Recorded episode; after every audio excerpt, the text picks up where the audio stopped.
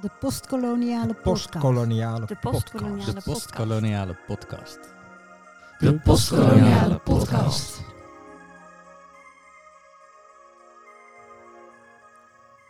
De zevende kunst. Zo worden stripverhalen wel genoemd. Dit jaar kwam het boek Indo-comics uit, een overzichtswerk van tekenaars met een Indische, Molukse of Indonesische achtergrond. In Nederland zijn hun verhalen populair, maar in het buitenland, ook in Indonesië, nog veel meer. Welke rol spelen Nederlands-Indië en Indonesië in strips? Hoe wordt de kolonie in die boeken verbeeld? En welke invloed heeft deze verbeelding in stripverhalen op ons beeld van Indië en Indonesië? En in welke mate worden Indische stripmakers beïnvloed door hun afkomst? Te gast is een van de belangrijkste stripmakers van Nederland, Peter van Dongen. Van Dongen heeft een Indo-Chinese Europese achtergrond. Als stripauteur debuteerde hij op 16-jarige leeftijd. In 1998 en 2004 verschenen respectievelijk Rampokan Java en Rampokan Celebes, een tweeluik dat zich afspeelt aan de vooravond van de twee militaire acties van de Nederlanders tijdens de onafhankelijkheidsoorlog in Indonesië. Inmiddels is er een Franse, Duitse, Indonesische, Engelse en Spaanse vertaling van verschenen.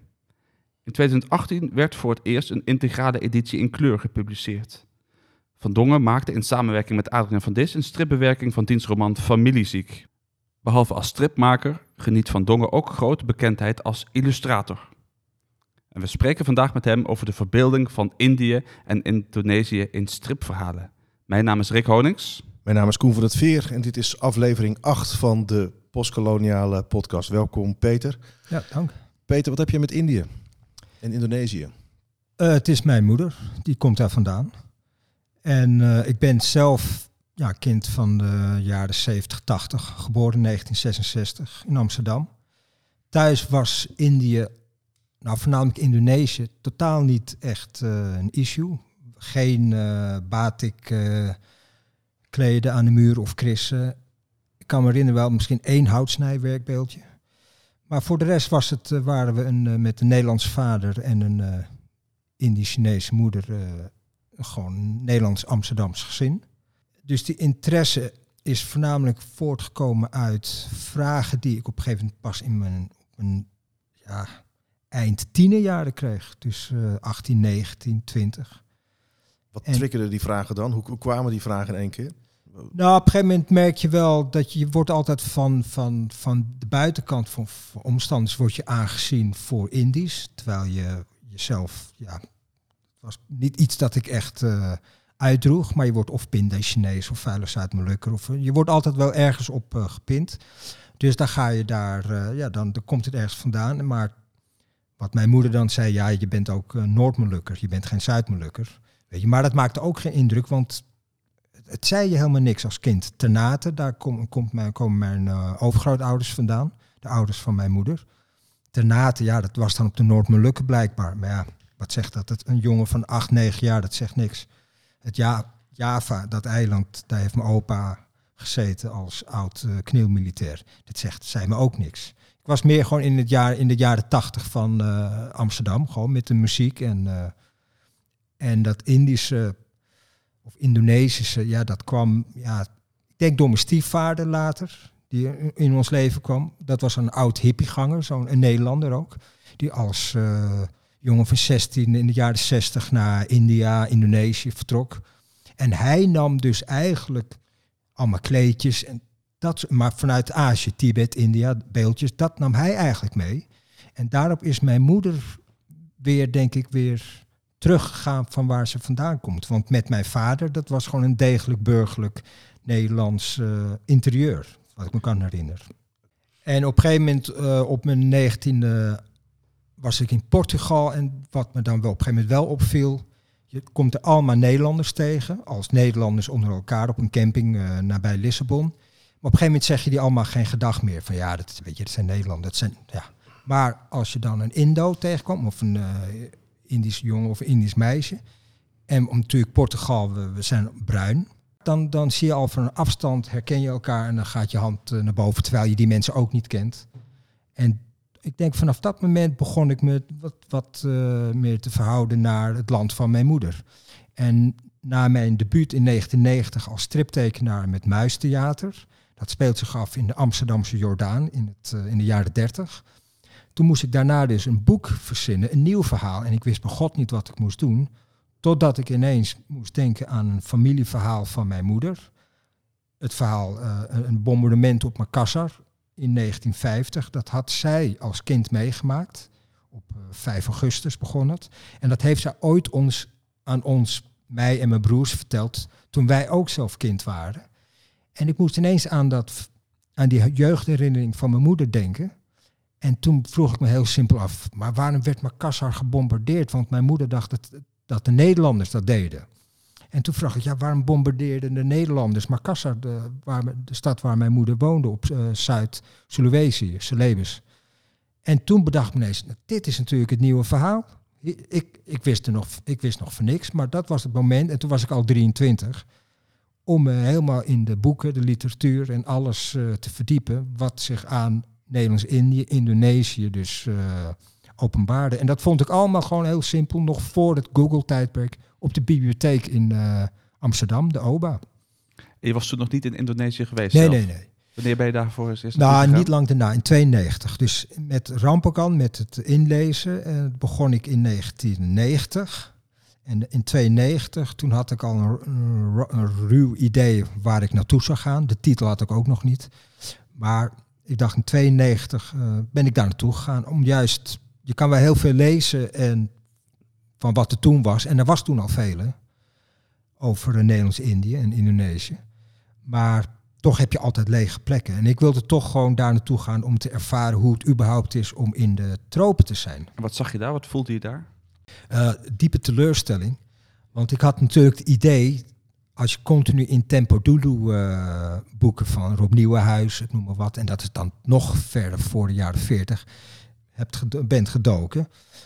En je komt daar en je ziet iedereen in uh, spijkerbroek lopen in uh, Jakarta of Bandung en niet in, met uh, sarong kebaya. Of, en je hebt daar gewoon gigantische mols. Wij hebben een Bijenkorf en een CNA. Nou, dat is niks vergeleken bij die mols in Jakarta.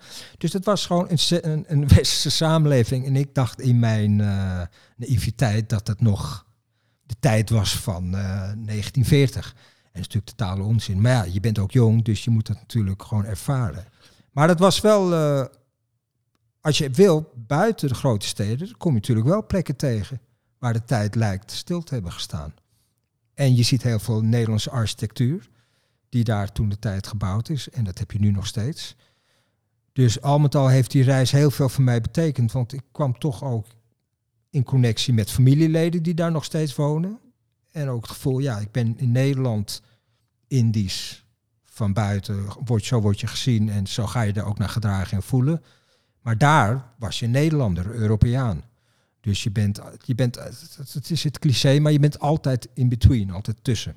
Hoe ben je vervolgens um, begonnen met Rampokan? Want je had Indonesië gezien, maar jouw boek speelt um, in een andere tijd. Namelijk uh, zo in 1945, 46, 47. Je moet op een gegeven moment gewoon beginnen.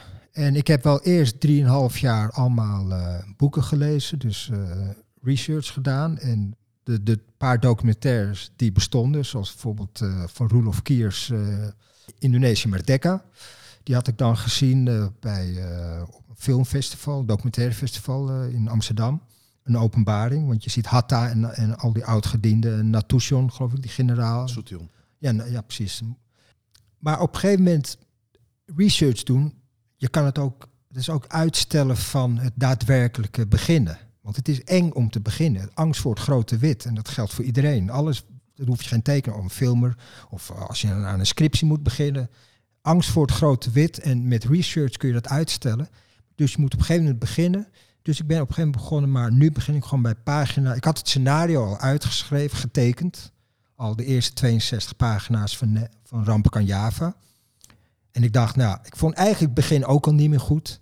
Maar op een gegeven moment moet je beginnen. Dus ik dacht, ik begin bij pagina 12. En dat is de pagina waar de Rexbioscoop uh, op voorkomt. En die zie je op de eerste plaat ook langs de Rexbioscoop. Zie je ook een Nederlandse militaire kolonne met het hoofdfiguur Johan Knevel als Nederlands militair. Dus het beeld inrijden. En dat, dat is de eerste pagina van uh, waar ik aan begon. En dan komt de- dit fictieve figuur Johan Knevel ook voorbij een muur waar je ook de- het opschrift Dutch Go Home ziet staan. En dat is de eerste pagina. En toen wist ik, je moet gewoon beginnen. Niet uitstellen, uitstellen, gewoon doen. Even over dat Dutch Go Home, want dat is legendarisch geworden. Hè. Daar, daar ben jij vaak in geciteerd. Eh. Ja, ehm, vertel. Eh, ik heb dat toen de tijd bedacht en ik heb het onlangs weer helemaal eh, uitgezocht hoe ik daarop kwam. In mijn herinnering in 1990 met het schetsen van het scenario. Kijk, ik zocht natuurlijk naar een manier om Ne- de striplezer in Nederland gewoon een boodschap te geven van dat de Nederlanders daar niet meer welkom waren. Weet je, als na, na de capitulatie van Japan. Maar je had daar inderdaad ook authentieke slogans waar Van Mook werd aangehaald of Generaal Spoor. Maar ik dacht, ja, maar dan moet je weer uitleggen wie die twee zijn. En de gemiddelde Nederlander in ne- 1990, daar ging ik gewoon vanuit, omdat we het nooit echt geleerd hebben, die weet niet wie die twee figuren zijn. En toen dacht ik gewoon heel simpel aan al die Vietnamfilms, die wij wel allemaal kennen als Nederlander. Die Amerikaanse speelfilms, eh, Deer Hunter, Apocalypse Now. Janky Go Home. Oké, Dutch Go Home. Dat is gewoon, het is gewoon heel simpele. En dat heb ik dan gebruikt. En achteraf bij de herdruk van 2018 van eh Rampenkan in full color, in kleur, heb ik Dutch Go Home verbeterd naar Dutch Man Go Home. Want het is natuurlijk slecht Engels. Het is Dutch Man Go Home. Met een A of een E. En niet Dutch Go Home. Daar, kwam ik later In de tussentijd was het wel gekopieerd door eh, Erik Heuvel, Alfred Burney en Jim Taihutu in zijn film eh ik De Oost. zag ja, eh, bij Jim Taihutu in de Oost. Ik wist al in 2015 dat Rampenkamp bij hun op de burelen lag. Dat, de researchers hadden het natuurlijk ook gevonden. En het helemaal goed. En vervolgens eh, hebben zij, kwam ik in een trailer achter, hebben ze letterlijk de uitspraak of de slogan Dutch Go Home. En ook in dezelfde setting hebben ze in, aan het begin van eh, de film De Oost hebben ze gebruikt. En natuurlijk eervol. Alleen ik had wel graag gewild dat ze meteen daar al melding hadden van gemaakt, achteraf of in, of, of in enige vorm. Nu inmiddels is daar gewoon op hun website, wordt daar eh, gewoon duidelijk eh aan gerefereerd dat het uit rampen kan hebben en dat rampen kan ook één van de invloeden is geweest op de film De Oost. Maar vervolgens komt iemand anders erachter dat het ook, Dutch Go Home komt ook voor in de Tolk van Java van Alfred Berney. En weliswaar gebaseerd op de memoires van diens vader. En ik heb inderdaad ook gewoon de originele passage van dat stuk waarin Alfred Berney, Tolk van Java, Dutch Go Home in voorkomt. De origine, het originele manuscript van zijn vader is ongeveer dezelfde passage, maar Dutch Go Home is daar niet. Dus 2016 is het jaar dat het werd gepubliceerd, Tolk van Java. En Dutch Go Home, ja, dat is. Ik heb het gelezen, maar ik heb het niet gezien. En vervolgens wordt het ook gebruikt in eh, het boek De Oost. Maar dat is natuurlijk logisch. Dat is de verveel, eh, de, de, het boek naar de Oost. Maar ik kwam het onlangs ook weer tegen bij Erik Heuvels De Terugkeer. En dat is toch wel mooi dat een, eigen bedacht iets, dat het een heel eigen leven gaat leiden.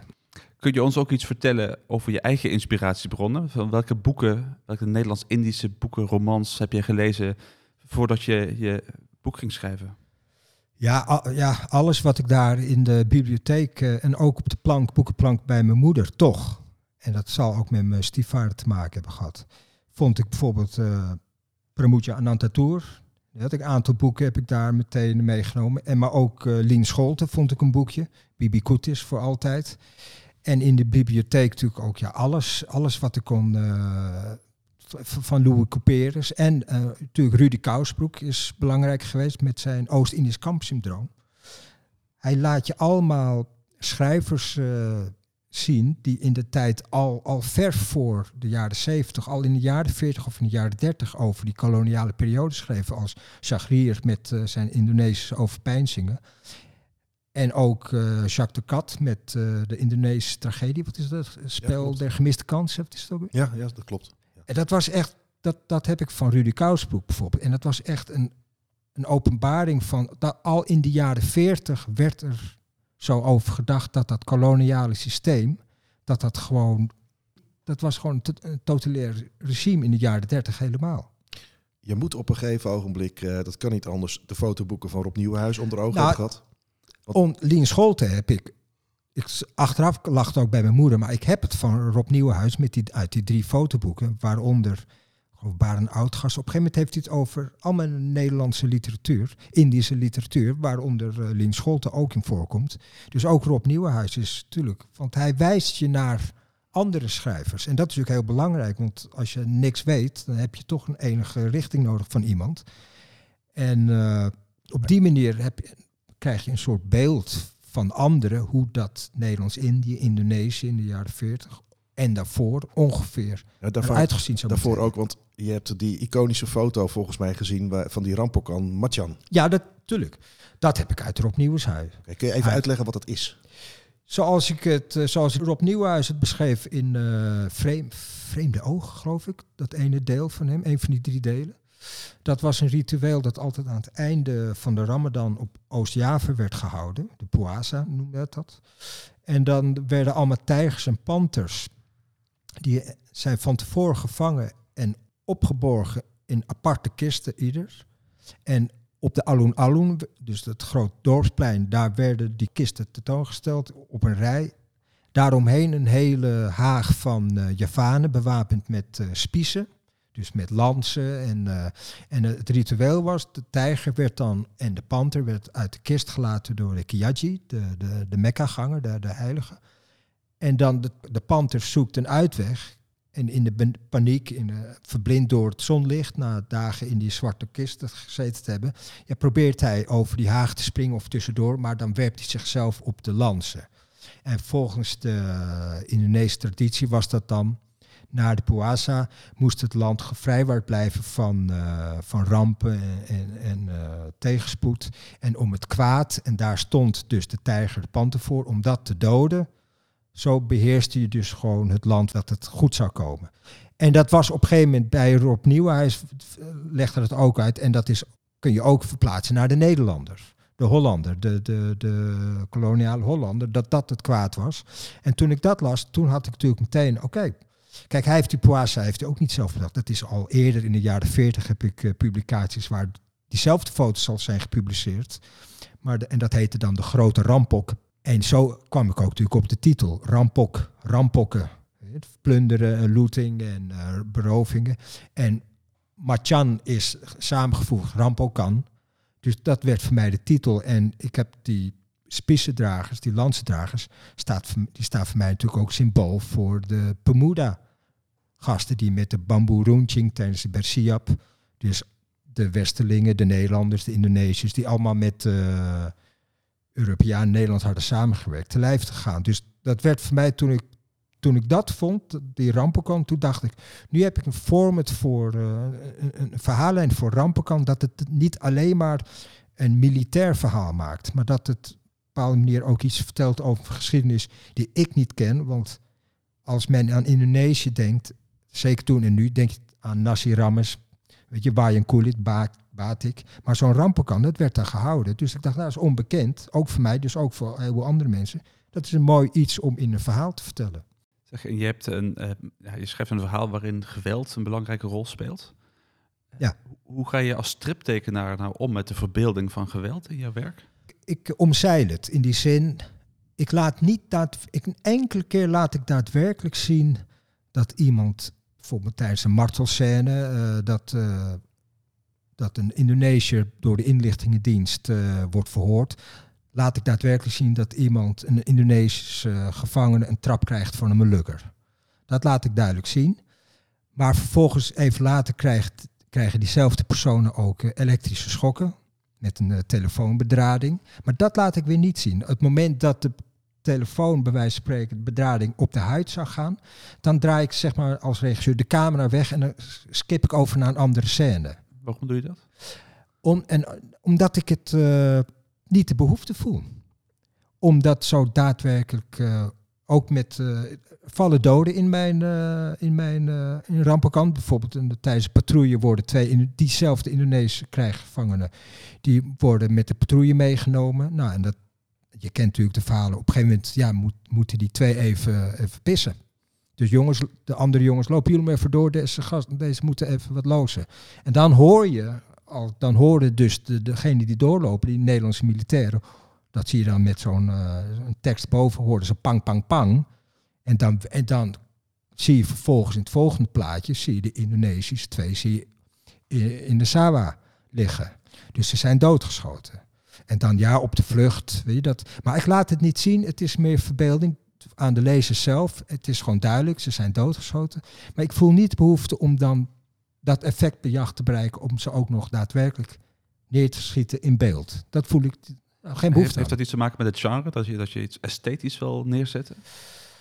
Het heeft eh, ja, met, ja, met smaak. Of, eh, en niet, eh, ik ben niet bang voor geweld. Of, ja, dat is gewoon, het is een keuze, inderdaad. Het is niet met het genre, want je kan het makkelijk, je kan het allemaal makkelijk laten zien. Het is gewoon een, een, een, een persoonlijke keuze van, ik, ik vind het niet nodig. En misschien zelfs als je het niet laat zien, dan laat je het over aan de verbeelding van de lezer. En dan kan het misschien nog veel gruwelijker werken, want je gaat gewoon als lezer met je eigen verbeelding aan de haal. Ik vind Rampo kan een prachtige, prachtige strip. Het, het mooie vind ik ook hoe je je personages allemaal loslaat aan het begin van het boek. Werkelijk het, het boek instuurt door ze als tijgers of panthers uit die kisten waarover Ja. je net sprak, het verhaal eh, in te sturen. Het goede van jouw werk is ook dat je een meervoudig perspectief op de situatie eh, kiest. Hoe ben je daarop gekomen om die zaak eh, in Indonesië van allerlei kanten te laten zien? Op een gegeven moment heb je zoveel verhaal. Ik, ik las natuurlijk ook eh, meerdere boeken, ook Indonesische schrijver. En een vorige podcast-uitzending kwam eindelijk dat eh, boek naar voren, waarvan ik de titel was vergeten. Ik geloof de, de Wevervogel. Ik ben even de naam vergeten, maar ik heb hem meteen gegoogeld, want dat was ook een boek dat ik heb gelezen. In van een Indonesische schrijver over de, de, de koloniale, de militaire acties. Dus ook vanuit Indonesisch standpunt en ook van Indisch, Bubikutis of van Ne- Nederlandse standpunt. En Chinees standpunt, mijn moeder is natuurlijk ook gedeeltelijk Chinees. Mijn oma, haar moeder was half Chinees, half Noord-Molux. Die stem wilde ik ook laten horen. Dus niet altijd zo zwart-wit van ja, de witte, de blanke, dat zijn de bad guys, dit zijn de slechte. En de bruine broeder, dat is de nobele wilde, die, die doet alles goed. Nee, natuurlijk niet onderling. Zoals mijn Chinese familie ook nu nog, nog steeds in Jakarta, nou ja, twintig jaar geleden vertelde. Zo nu en dan zijn er nog steeds rellen in eh, Indonesië. En dan zegt mijn oom, Chinese oom in Makassar, dan is het gewoon de hekken allemaal op slot, deuren dicht en gewoon bidden en hopen dat de meute hun huis voorbij trekt. En dat is iets waar ik ook ben mee opgegroeid met die, met die gedachte. Dus dat wilde ik ook laten zien. Dus op die manier kom je aan verschillende perspectieven. Hoe is er in Indonesië gereageerd op jouw werk? Ze vinden het allemaal eh, de- goed. Eh, en ze benoemen het echt, ze vinden het juist goed omdat ze het vanuit hun standpunt zien als een verhaal verteld vanuit Nederlands perspectief. Want ik ben een Nederlander. En eh, bijvoorbeeld met het woord Bersiap. Nou, dat was vorig jaar natuurlijk in, eh, een hele heisa rondom. vanwege Bonnie Triana en het Rijksmuseum. Revolutie. Ik had onlangs twee maanden geleden had ik in Jakarta en Bandung had ik uh, workshops en uh, interviews aan universiteiten en daar vertel ik gewoon over Bersiap. En ik vertel natuurlijk wel in die zin dat het, ik kleed het wel in, kijk je moet dat wel, ik, zoals ik het ook zie, als een, een wraakuitoefening van jarenlang uh, repressie van, van echt, echt, echt jarenlang. En, en dat dat gewoon door alle omstandigheden naar een oorlog met Japanners, want ook voor de Indonesiërs als slachtoffers daaruit, opgefokte jeugd, de jongeren, ja, dat wordt gewoon, en bang dat de Nederlanders weer terugkeren. Maar je moet het wel benoemen. Dus ik zeg dat ook in Indonesië en ik vertel ook wat er gebeurt. Dat ze, want vanuit Indonesië, dan, ja, ja, die Runching, Bamboe Runching, dat zijn onze helden, die gasten die dat deden. Maar als je dan vertelt wat ze daadwerkelijk deden, dan weten ze dat niet, de meeste. En onlangs daar, daar in Jakarta, toen, al voordat ik was begonnen aan mijn interview, werd ik geïnterviewd door een uh, journalist voor een, een grote, grote zaal vol.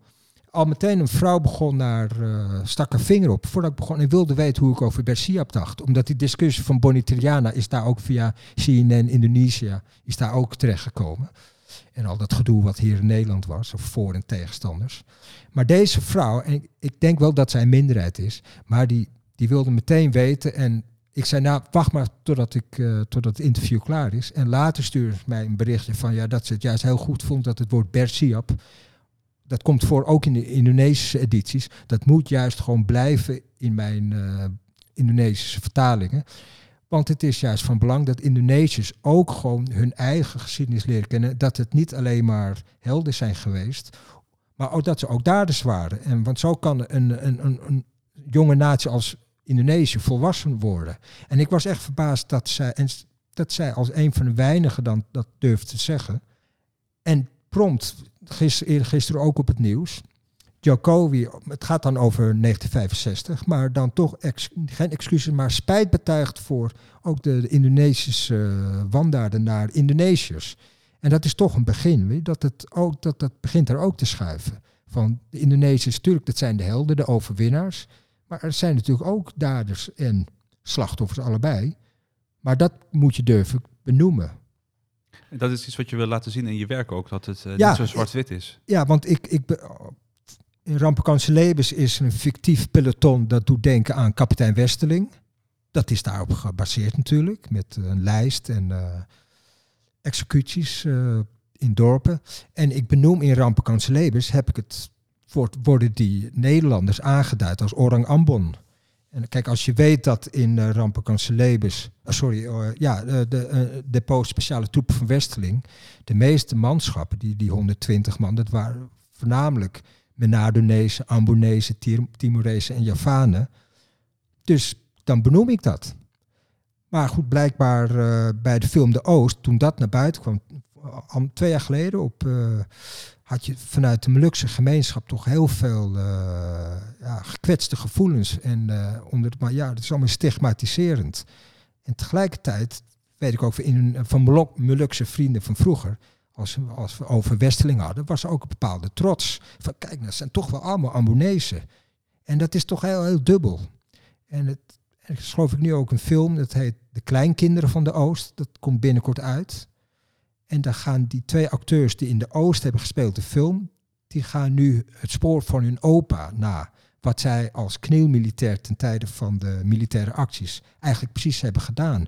En wat ik op het radio-interview hoorde, voorafgaand aan deze film, van deze twee makers van de film, ja, die komen achter zaken die eigenlijk toch heel pijnlijk zijn. En het is eigenlijk goed dat dat gebeurt. Je hebt heel veel invloed gehad inmiddels uh, in, in de stripwereld. Uh, ik las in het boek Indo Comics, de katjangs van de stripkunst van, van Ruud en Drijver, een soort van overzicht over uh, alle Indische tekenaars die er zijn geweest. dat er naar aanleiding van Rampokan ook strips gemaakt zijn in Frankrijk en in andere landen die over het koloniale verleden gaan. Dat zegt Ruud en Drijver, ja. Ben je het er niet mee eens? Nou kijk, ik moet zeggen, ik weet dat er al... Nee, ik ben, ik ben veel dingen ben ik het niet eens, maar ik, met dit boek vind ik... Schrijf maar raak wat jij vindt. Als jij dwarsverbanden ziet en uh, je, wil, je ziet dat zo, doe. Als zolang er maar over mij geluld wordt, prima. Maar het, het, is niet dat ik het eens ben, want volgens mij, ik vind het te veel eer. Hij, hij, hij ook naar, eh, zeker naar mij, in Indo Comics, hij hemelt me helemaal de lucht in, op. En dat vind ik soms iets te veel eer, want er zijn inderdaad ook al strips over Algerije in Frankrijk verschenen, voordat ik met Rampenkamp begon. Maar wat, wat ik zeker goed vind aan het boek, het is ook een naslagwerk, en hij laat duidelijk zien, en daar begint hij met Rampenkamp mee, dat was het eerste boek als ik als Indische tekenaar maakte een verhaal over het, het Indië of Indonesië uit de jaren 40. Terwijl al die Nederlandse tekenaars daarvoor hebben dat nooit opgepakt. Wel in België en Frankrijk zijn er genoeg tekenaars geweest die Indonesië als achtergrond had. Wel heel clichématig, oh, tijdens de Tweede Wereldoorlog met uh, Japanners, dat zijn allemaal geelbekkies. Het is allemaal heel, heel stereotyp. Maar Belgen. En Bob de Moor, de assistent van RJ voor Kuifje, die had al met met Cor Morelli, geloof ik, al strips gemaakt over Nederlands-Indië in 1598, geloof ik, de, de Houtman, de VOC. Dus die Belgen en Fransen waren Nederlanders eigenlijk voor om een stip te maken over de Nederlandse geschiedenis. Maar dat was voor Nederlandse tekenaars blijkbaar altijd heel ver weg. Maar wat hij zegt over de Indonesische invloeden op ons Indische tekenaars, hij zit er soms in de buurt. Bijvoorbeeld, hij zegt dat ik voor uh, Rampenkans Lebes heb ik de omslag van uh, Oeroeg, de eerste druk, met een covertekening van Eppo Doeve van een kratermeer. Hij ziet daar dus de, de, de vergelijking met dat kratermeer van mij in Rampekan. Hij zegt dat ik dat Of het lijkt erop dat hij zegt dat ik dat één op heb nagetekend. Maar dat is helemaal niet waar. Ik ken die hele omslag niet. Ik heb het gewoon uit mijn hoofd getekend. Maar hij zit in de buurt, want ik ben natuurlijk wel beïnvloed door Helle Hazes Oeroeg met dat Zwarte Meer. Dus literair zitten in de buurt. Ik heb natuurlijk ook Helle Hazes Oeroeg gelezen. Als ook de, de, de hongertocht uit 1911, waar ook een van, uh, hoe heet ze? Zeker Lulofs. Ja, waar ook een, een, een, een zwart meer in voorkomt. Natuurlijk literair heb ik dus, dat was een eerdere vraag, heb ik me al vanuit Indische literatuur of Indonesische, heb ik natuurlijk heel veel dingen genomen en die gooi ik in een potpurry. Vind je dat er genoeg erkenning is voor Indische stripboeken? Nou, ik moet, ik moet je, ja, er zijn niet zoveel. Kijk, persoonlijk, ik heb genoeg erkenning. Als ik naar mijn eigen boeken kijk, die, die paar Indische boeken, dus Familieziek met Adria van Dis en Rampenkan, daar, persoonlijk heb ik genoeg erkenning. Dan heb je Erik Heuvel natuurlijk met uh, Max Havelaar en, uh, en, en, de terugkeer.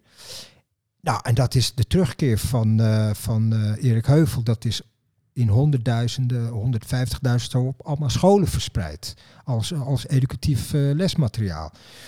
Nee, ik, ik, denk dat het heel goed ontvangen is. Alleen het zijn er toch niet veel. En nu pas heb je tekenaars die, een derde jongere generatie tekenaars, die allemaal twintig jaar met mij schelen, die zich toch uh, verdiepen in hun Indische achtergrond en daar ook zoetjes aan strips over gaan maken. Maar die erkenning is er wel hoor. Ondanks in het... Uh, striplandschap in Nederland dat toch vrij ja, sober is in vergelijking met Frankrijk. En welk stripboek zou je nog absoluut willen schrijven, willen maken? Al jaren zit ik met een boek in mijn hoofd. En dat, dat gaat in feite gewoon over, wel over in, Indonesië, in Nederlands-Indië, maar dan uh, in de jaren 20, jaren 10. Maar ik kom er niet aan toe omdat ik gewoon druk ben met uh, Blake en Mortimer. En dat is wel iets wat ik uh, ambieer, maar ik heb nu gewoon de rust niet in mijn hoofd. Blake Mortimer, de iconische strip van Edgar P. Jacobs, waar Ja. jij eh, eh, dus gevraagd voor bent om vervolgen te tekenen. En eh, die zijn ook Ja, werkelijk ik heb prachtig. het, de eerste delen samen met eh Teun Berserik gemaakt. Hè? Ook een, ander, ook een Indische tekenaar. Ja. Je noemde al eerder Bibi Koetis voor altijd van, eh, van Lin Scholten. En daar komt jouw fragment ook uit. Ja, ik, Waarom heb je dat boek gekozen? nou, eerst instantie dacht ik een aarde de mensen van eh eh, Pramuja Anantatour. Ik dacht dat ik het al in 1990 had gelezen, maar ik kwam afgelopen jaar achter dat ik het nooit had gelezen. En het was echt een verrassing. Het gaat over Njai en het, is, nee, het speelt zich af in Nederlands-Indië. En, nou, en juist nu de Njai met Reggie Bai en Dirio Michiels eh, helemaal weer terug is en, en ook eh, andere eh, schrijvers. Maar ik dacht, ja, dit is al besproken in de vorige uitzending. Maar gisteravond bedacht ik me ineens, nee, Bibi Koetis is toch ook wel van invloed geweest. En wat ik mooi vind, ze beschrijft gewoon dat kazerneleven van de, tang, de Tangsi. Dus Gewoon hoe de, hoe de Indonesische vrouwen en, en, en mannen, dus de inlandse troepen daar, hoe die daar leefden. En het is eigenlijk, ja, en, Bibi Koetis, dat is de tante van Lien Scholte. Lien Scholte is de, geboren van Javaanse moeder en een Amsterdamse militair, die daar in de Tangsi woonde. En Bibi Koetis is eh, haar tante. En ze beschrijft gewoon een heel mooi leven, tenminste, ja, mooi verhaal van hoe Bibi Koetis het is vergaan. En het is op het einde hartbrekend. eh, ja, hoe zeg je het? eh Hartverscheurend, hartverscheurend. Ja, ik zit in Engels in mijn kop. kan ik me voorstellen. Je Maar, fragment graag, ja. Ja, je kan zoveel vertellen over het boek, hoe, hoe, hoe dat gaat. Maar ik begin hier met het stukje, een stukje van eh, het lied van de vrijheid. Dat, dat is natuurlijk gewoon nadat Japan heeft gecapituleerd. Uit Kampong Pakis waren veel Indo's vertrokken. Ze waren naar de stad verhuisd. Ook ik was op zoek geweest naar een ander onderkomen. Ik vond dat in een garage die nog bezet was door een andere vrouw met twee kinderen. Zodra in het hoofdgebouw een kamer vrijkwam, zou Connie die nemen, omdat ik mijn kinderen dan bij, erbij kon halen in de garage. Het huis stond in de Setaillestraat, vlak achter de dierentuin. Onrust en angst groeiden. Mam hield de jongens thuis. Zelf staakte ze haar verkoop. Dat werd toch niets meer, want iedereen dacht aan eigen. Berichten drongen overal door. De Japanners werden als varkens afgeslacht. De vrouwen en kinderen uit de kampen waren vrij. Ze reden door de stad in bedjaks en trams. De oorlog was afgelopen, heet het. Maar de oorlog begon toen pas. Wak Tieg, de oude waterdrager die wij kenden als kalmte en de goedheid zelf, ontpopte zich als een god der wraken. Het kwam op een middag Niet om zijn gewone portie lekkers, lekkers te verkopen, maar om een bloedbesmeurde samurai te laten zien. Fanatiek ermee zwaaiend demonstreerde hij de vrouwen hoe vakkundig hij dit wapen had gehanteerd. Ja, het gaat natuurlijk over de Persiap, waar we het net over hadden. Waaronder hier staat ook weg met de blanda's, dood aan alle blanda-honden. Het is niet zozeer dat ik dit verhaal over de Bersiap wil vertellen, wat ik hierin las, want dat weten we inmiddels. Wat me eigenlijk weer aangreep, dat dus de ik-figuur is in dit geval hier niet uh, Bibi Koet is de tante, maar uh, Lin Scholte zelf. Dat zij met haar kinderen in een garage na de oorlog uh, een heenkomen zocht. Net zoals mijn oma dat ook na, nadat ze haar man had verloren onthoofd uh, op 16 augustus 1945, kneelmilitair, mijn opa. Als weduwe met drie dochters naar Makassar ging, naar haar oudere zus, Chinees, Noord-Molux. En mijn moeder ook met haar moeder dus ook in een garage van haar tante Anne uh, terechtkwam. Je, wij zijn allemaal opgegroeid in welvaart, in een weelde in de jaren 60, 70, 80.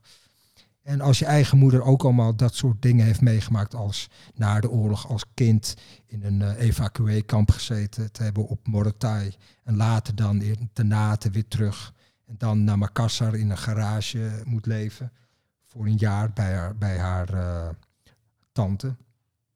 En dat wordt allemaal heel mooi in dit Bibi Koet voor altijd beschreven. En het is geen waardeoordeel of het koloniaal is of goed of fout. Het is gewoon een, een beschrijving van hoe het leven voor mensen die op drift zijn geraakt door de wereldgeschiedenis. En ik heb het idee, het is nu met uh, de koloniale discussie, het debat, je bent voor of je bent tegen. En dat is zeker wat Indo's betreft altijd een beetje precair, want je zit er altijd tussenin. Het is een cliché, maar dat is altijd lastig om. Het waren ook gewoon mensen die daar waren geboren. Ja, zo, zo, zo kunnen dingen lopen. En dat wordt in Bibi Koetis voor altijd, vind ik, heel mooi uh, verbeeld. Maar het einde is dramatisch, omdat ze uiteindelijk niet meer... Uh, zij wil ook naar Nederland met, met uh, Lien Scholten. Maar dat wordt continu door de overheid in eerste instantie afgehouden. Maar dan vervolgens is er toch een mogelijkheid, maar dan moeten de zussen van Lien Scholten en de aangetrouwden en de broers moeten garant staan voor Bibi Koetis in Nederland in de jaren 50. Maar uiteindelijk zegt een van die schoonzusters af, want stel als het misgaat, dan moeten, zijn zij verantwoordelijk voor deze Indonesische dame. En dan haakt weer een andere schoonzuster af en een broer. Dus uiteindelijk moet Bibi Koetis daar blijven, terwijl de hele familie daar naartoe vertrekt. Dat vind ik hartverscheurend. Iedereen moet dat boek gaan lezen. Bedankt, ja. Peter van Dongen. Uh, dit was aflevering 8. We spraken vandaag met Peter van Dongen over de verbeelding van Nederlands-Indië en Indonesië in stripverhalen.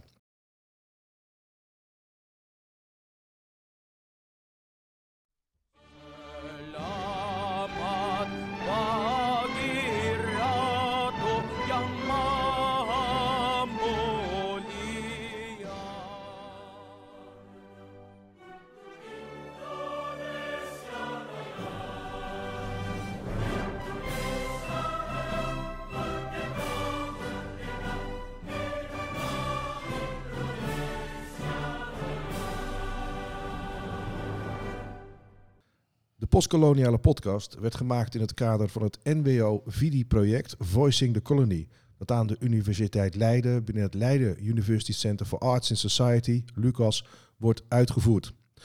De postkoloniale podcast werd gesponsord door de Maatschappij der Nederlandse Letterkunde en het tijdschrift Indische Letteren. Wil je meer weten over de Nederlands-Indische literatuur? Word dan lid van de werkgroep Indisch-Nederlandse Letterkunde en ontvang vier keer per jaar het tijdschrift Indische Letteren. Zie voor meer informatie de website. Deze podcast werd gemaakt door Goran Bouazic, Tatum Meijer, Rick Honings en Koen van Tveer.